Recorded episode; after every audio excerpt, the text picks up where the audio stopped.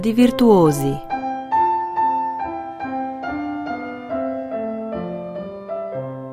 Iz majhnega raste veliko.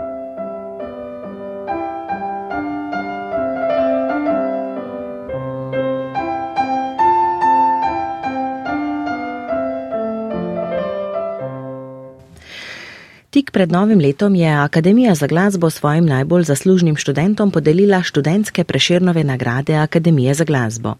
Med prejemniki je tudi harmonikar Andraš Malgaj, ki bo današnji gost odaje Mladi virtuozi. Na Akademiji za glasbo je študent Luke Juharta. Kot solist in član komornih zasedb je prejel številne nagrade na regijskih državnih in mednarodnih tekmovanjih, poleg tega pa tudi redno nastopa. Predstavil se je že v ciklih Zvokotok, prisluhnimo v operi, na poletnem festivalu Poletje v celju 2019 in festivalu na Ljubljanici. Poleg tega svoje znanje izpopolnjuje tudi na seminarjih pri priznanih profesorjih harmonike.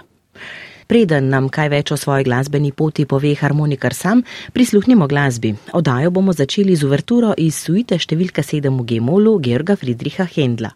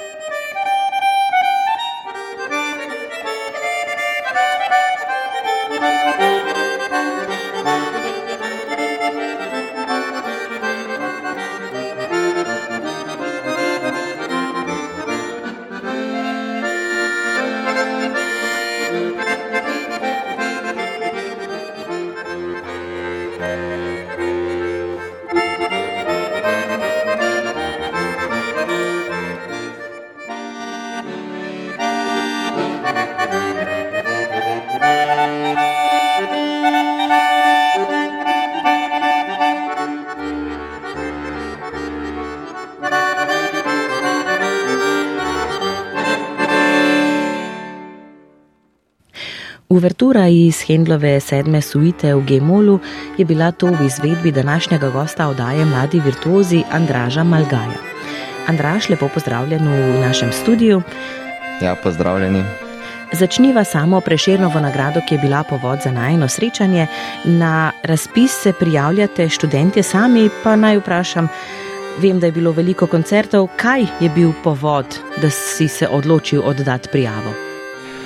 Zdi se mi, da sem v preteklem letu imel veliko število koncertov, sem bil dejaven eh, skozi celotno leto eh, na koncertnih odrih, izvajal sem veliko število novih del in pa združil sem tudi koncerte, ki sem jih imel v preteklih letih. No, če smo že ravno pri koncertih, bom vprašala, preden stopiš na oder, kaj je zadnja stvar, ki jo storiš? Kakšen način, kako se soočaš s tremo, s temi živčki? Uh, nimam posebne priprave na nastop, preprosto se ugrejem in probam misli usmeriti samo na tiste skladbe, ki jih bom izvajal. Torej od začetka, prva, druga, tretja. Uh -huh. Tako dalje. Pa občinstvo opadiš?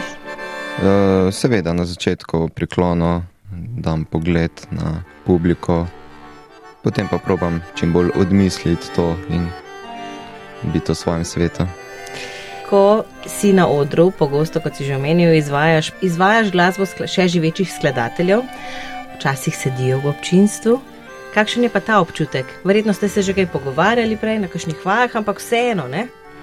Seveda, tudi sam povabim tiste skladatelje, ki jih izvajam. In pred koncertom smo seveda tudi sodelovali, mi še dali kakšne napotke za tisto skladbo, ki sem jo izvajal. In sem vesel tega stika, skladatelj in izvajalec. Torej. Mm kakšne napotke bi rabil, recimo, ko, ko dobiš novo partituro, verjetno kakšna druga tehnika igranja, kaj so stvari, ki jih vprašaš skladatelje? V bistvu s tem se nisem tako ukvarjal. Probo sem dati sebe v skladbo, seveda probaš nekako razumeti, kaj je mislil skladatelj z določeno frazo uh, ali kakšnim efektom na inštrumentu. Ampak, če pride kakšno vprašanje, to potem, ko je že skladba narejena in pripravljena za nastop. Um, no, oddajo smo začeli z baročno glasbo, ki jo v bistvu harmonikari pogosto izvajate. Baročno in pa sodobno, ne? Zakaj je ravno baročno?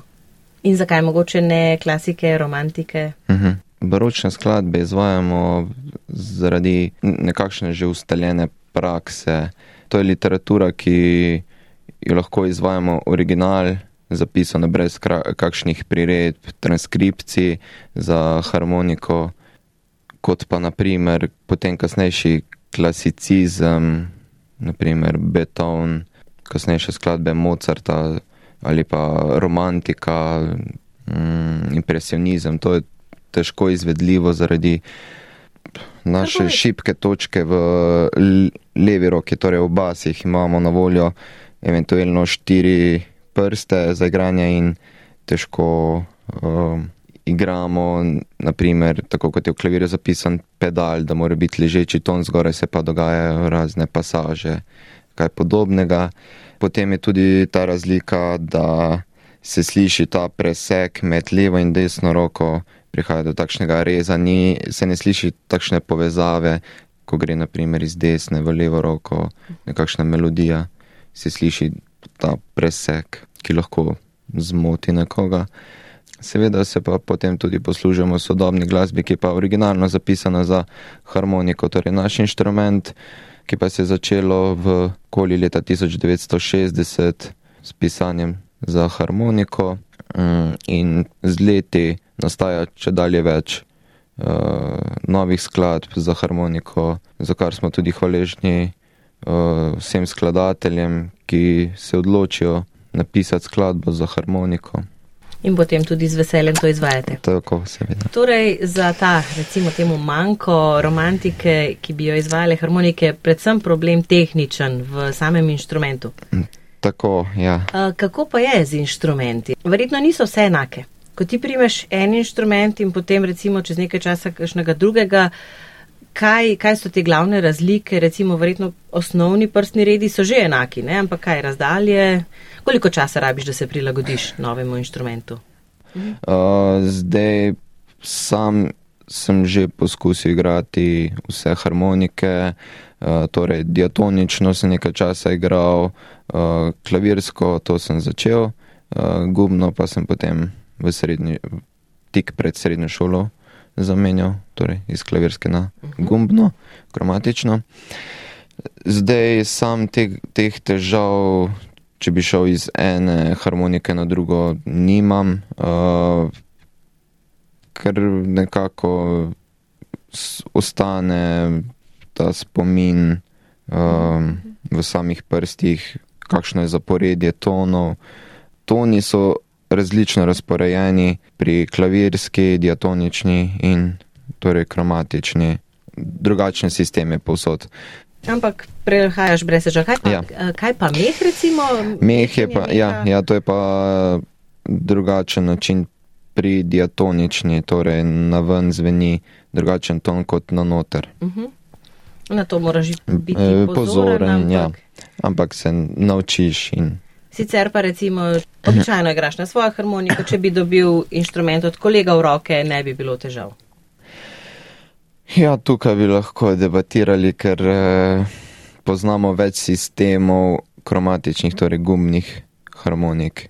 Uh, jaz igram C sistem, potem tisti na vzhodu imajo, naprimer Srbi, Rusi, uh, B sistem. Je že drugačna razporeditev gumbov v desni roki, potem tudi v levi je malo drugače, tako da s tem bi imel malo težav. No, še eno tako um, vprašanje, mogoče šolsko. Harmonikar kupi svoj inštrument in potem ta harmonika ostane? Seveda z leti tudi rastemo, naprimer, ko si malo mlajši, začneš z manjšim inštrumentom, z manj gumbi v desni levi roki, potem pa seveda se odločimo za nakup novih inštrumentov, rabljenih. Uh, in ja, je tudi kar strošek. Mhm. si predstavljam, ja.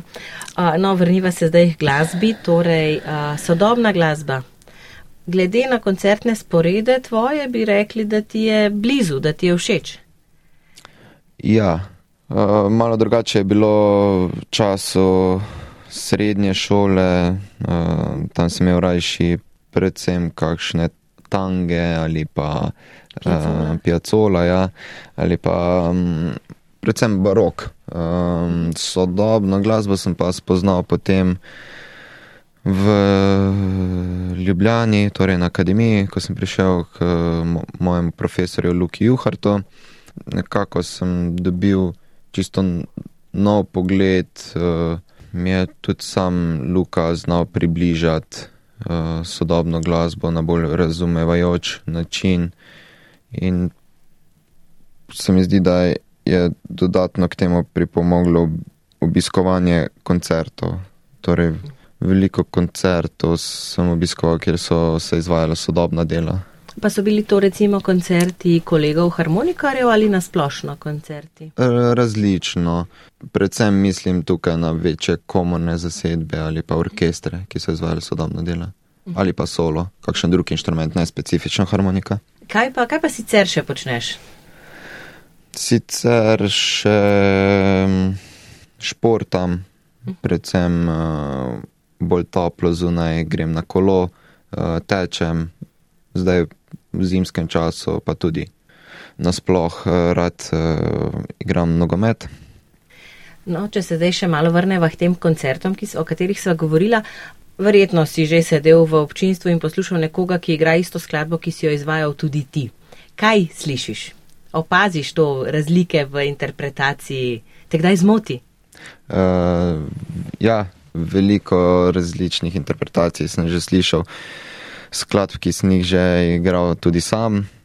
Ja, smo različni, vsak uh, si drugače predstavlja določeno uh, skladbo in jo interpretira na svoj način, kar je seveda prav. Ja, včasih me zmotijo nekatere stvari, se mi zdi, da bi lahko bilo boljše izvedeno, več artikulacije, dinamike, različnih stvari. Um, No, in če zdaj izhajam ja. iz tega, kako postavljaš interpretacijo, ko predse dobiš novo delo, tako recimo, ki je že večkrat bilo izvedeno. Se lotiš poslušanja starih posnetkov, recimo drugih harmonikarjev, mogoče ne vem, poiščeš na YouTubu. Uh, kako ti postaviš interpretacijo svojo? Veliko krat izberem takšen program, ki ni bil še veliko krat izveden. Mogoče da je bila ena izvedba, ker ne želim izvajati nekaterih del, ki ki smo jih že slišali ne vem koliko krat, tisočkrat. Želim, da, mhm. da je še kakšna tista skladba, ki ne bi bila pogosto izvedena, da še dobi kakšno izvedbo in drugo interpretacijo. Da poiščeš v bistvu svojo pot v tej glasbi. Ja. Uh, in verjetno potem tudi rad posegaš po krstnih izvedbah. Tudi, ja, uh, se trudim. Kdaj nagovoriš kolege, da kaj napišajo? Ja, sem nagovarjal nekaj skladb, je že nastalo, ampak ni še to, to ni, ni še zaključeno čist. Um, zdaj sem že bolj kot ne na koncu svojega študija, zadnji letnik, torej pol leta me še čaka uh, tukaj na akademiji, imam še nekaj uh, planov oziroma koncertov, izzivov, ki me še čakajo do konca leta. In pred tabo je sestavljanje koncerta za magistrski koncert? Tako, to, to, je že, to je že sestavljen uh mhm. -huh. program, seveda od poletja. Kaj pa je na programu? Uh, na programu imam, zdaj malo se mora kombinirati program za magistrski koncert in eno tekmovanje, ki se ga bom udeležil. Na programu je Johann Sebastian Bach, Preludi in Fuga v C-molu, potem Domenico Scarlatti, ena sonata Jean-Philippe Rameau, Suita v Amolu, Anna Merihelski Highway for One, potem skladba slovenskega skladatelja Luke Juharta, Hrup, pa koncert za harmoniko in orkester od uh, Krištofa Pendereckega koncerta. Luke Juharta, uh, učitelja, profesorja. Tako, ja. Boste v bistvu na urah šla v globino njegovega dela. Tako, ja. Je to kaj posebej naporno? Ker si uh, skladatelj, tvoj profesor in te vodi skozi izvedbo njegovega dela. Ja, mogoče je prisoten, uh, ko mu seveda prvič zaigram na uri njegovo skladbo, nekak strah, uh, trema, kaj bo zdaj rekel, kaj se bo spustil, ker seveda pozna skladbo do potankosti, kaj je uh mhm. -huh. zapisal. In, pa še harmonikar ja, je. Ja, seveda. Uh, no, uh, torej to bo magistrski koncert. Kaj pa potem, želje, načrti? Ja. Uh, načrt je seveda uspešno zaključiti študij na akademiji, potem pa imam že nekako plan učiti na glasbeni šoli in pa seveda strmim k temu, da bi ostal v kondiciji z inštrumentom in imel koncerte. Na koncertih Andraš Malgaj že redno nastopa, med drugim je na več programov uvrstil tudi skladbo Tangi Uroša Rojka, iz katere bomo slišali stavek oziroma tango Meh zmore oziroma v izvirnem naslovu Balk Kan. Prisluhnimo.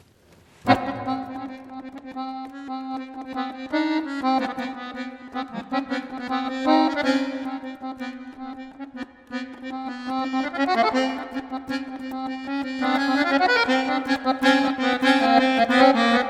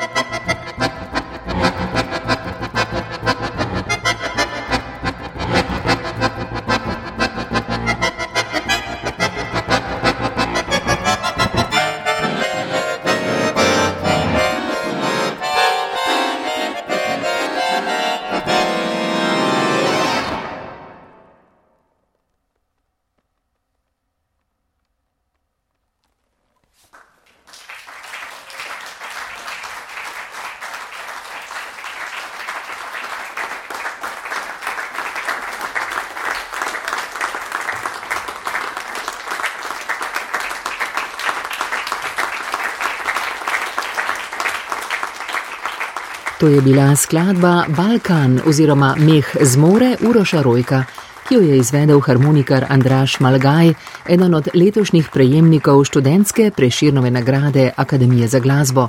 Z njim se je v odaji Mladi virtuozi pogovarjala Vesna Vovk.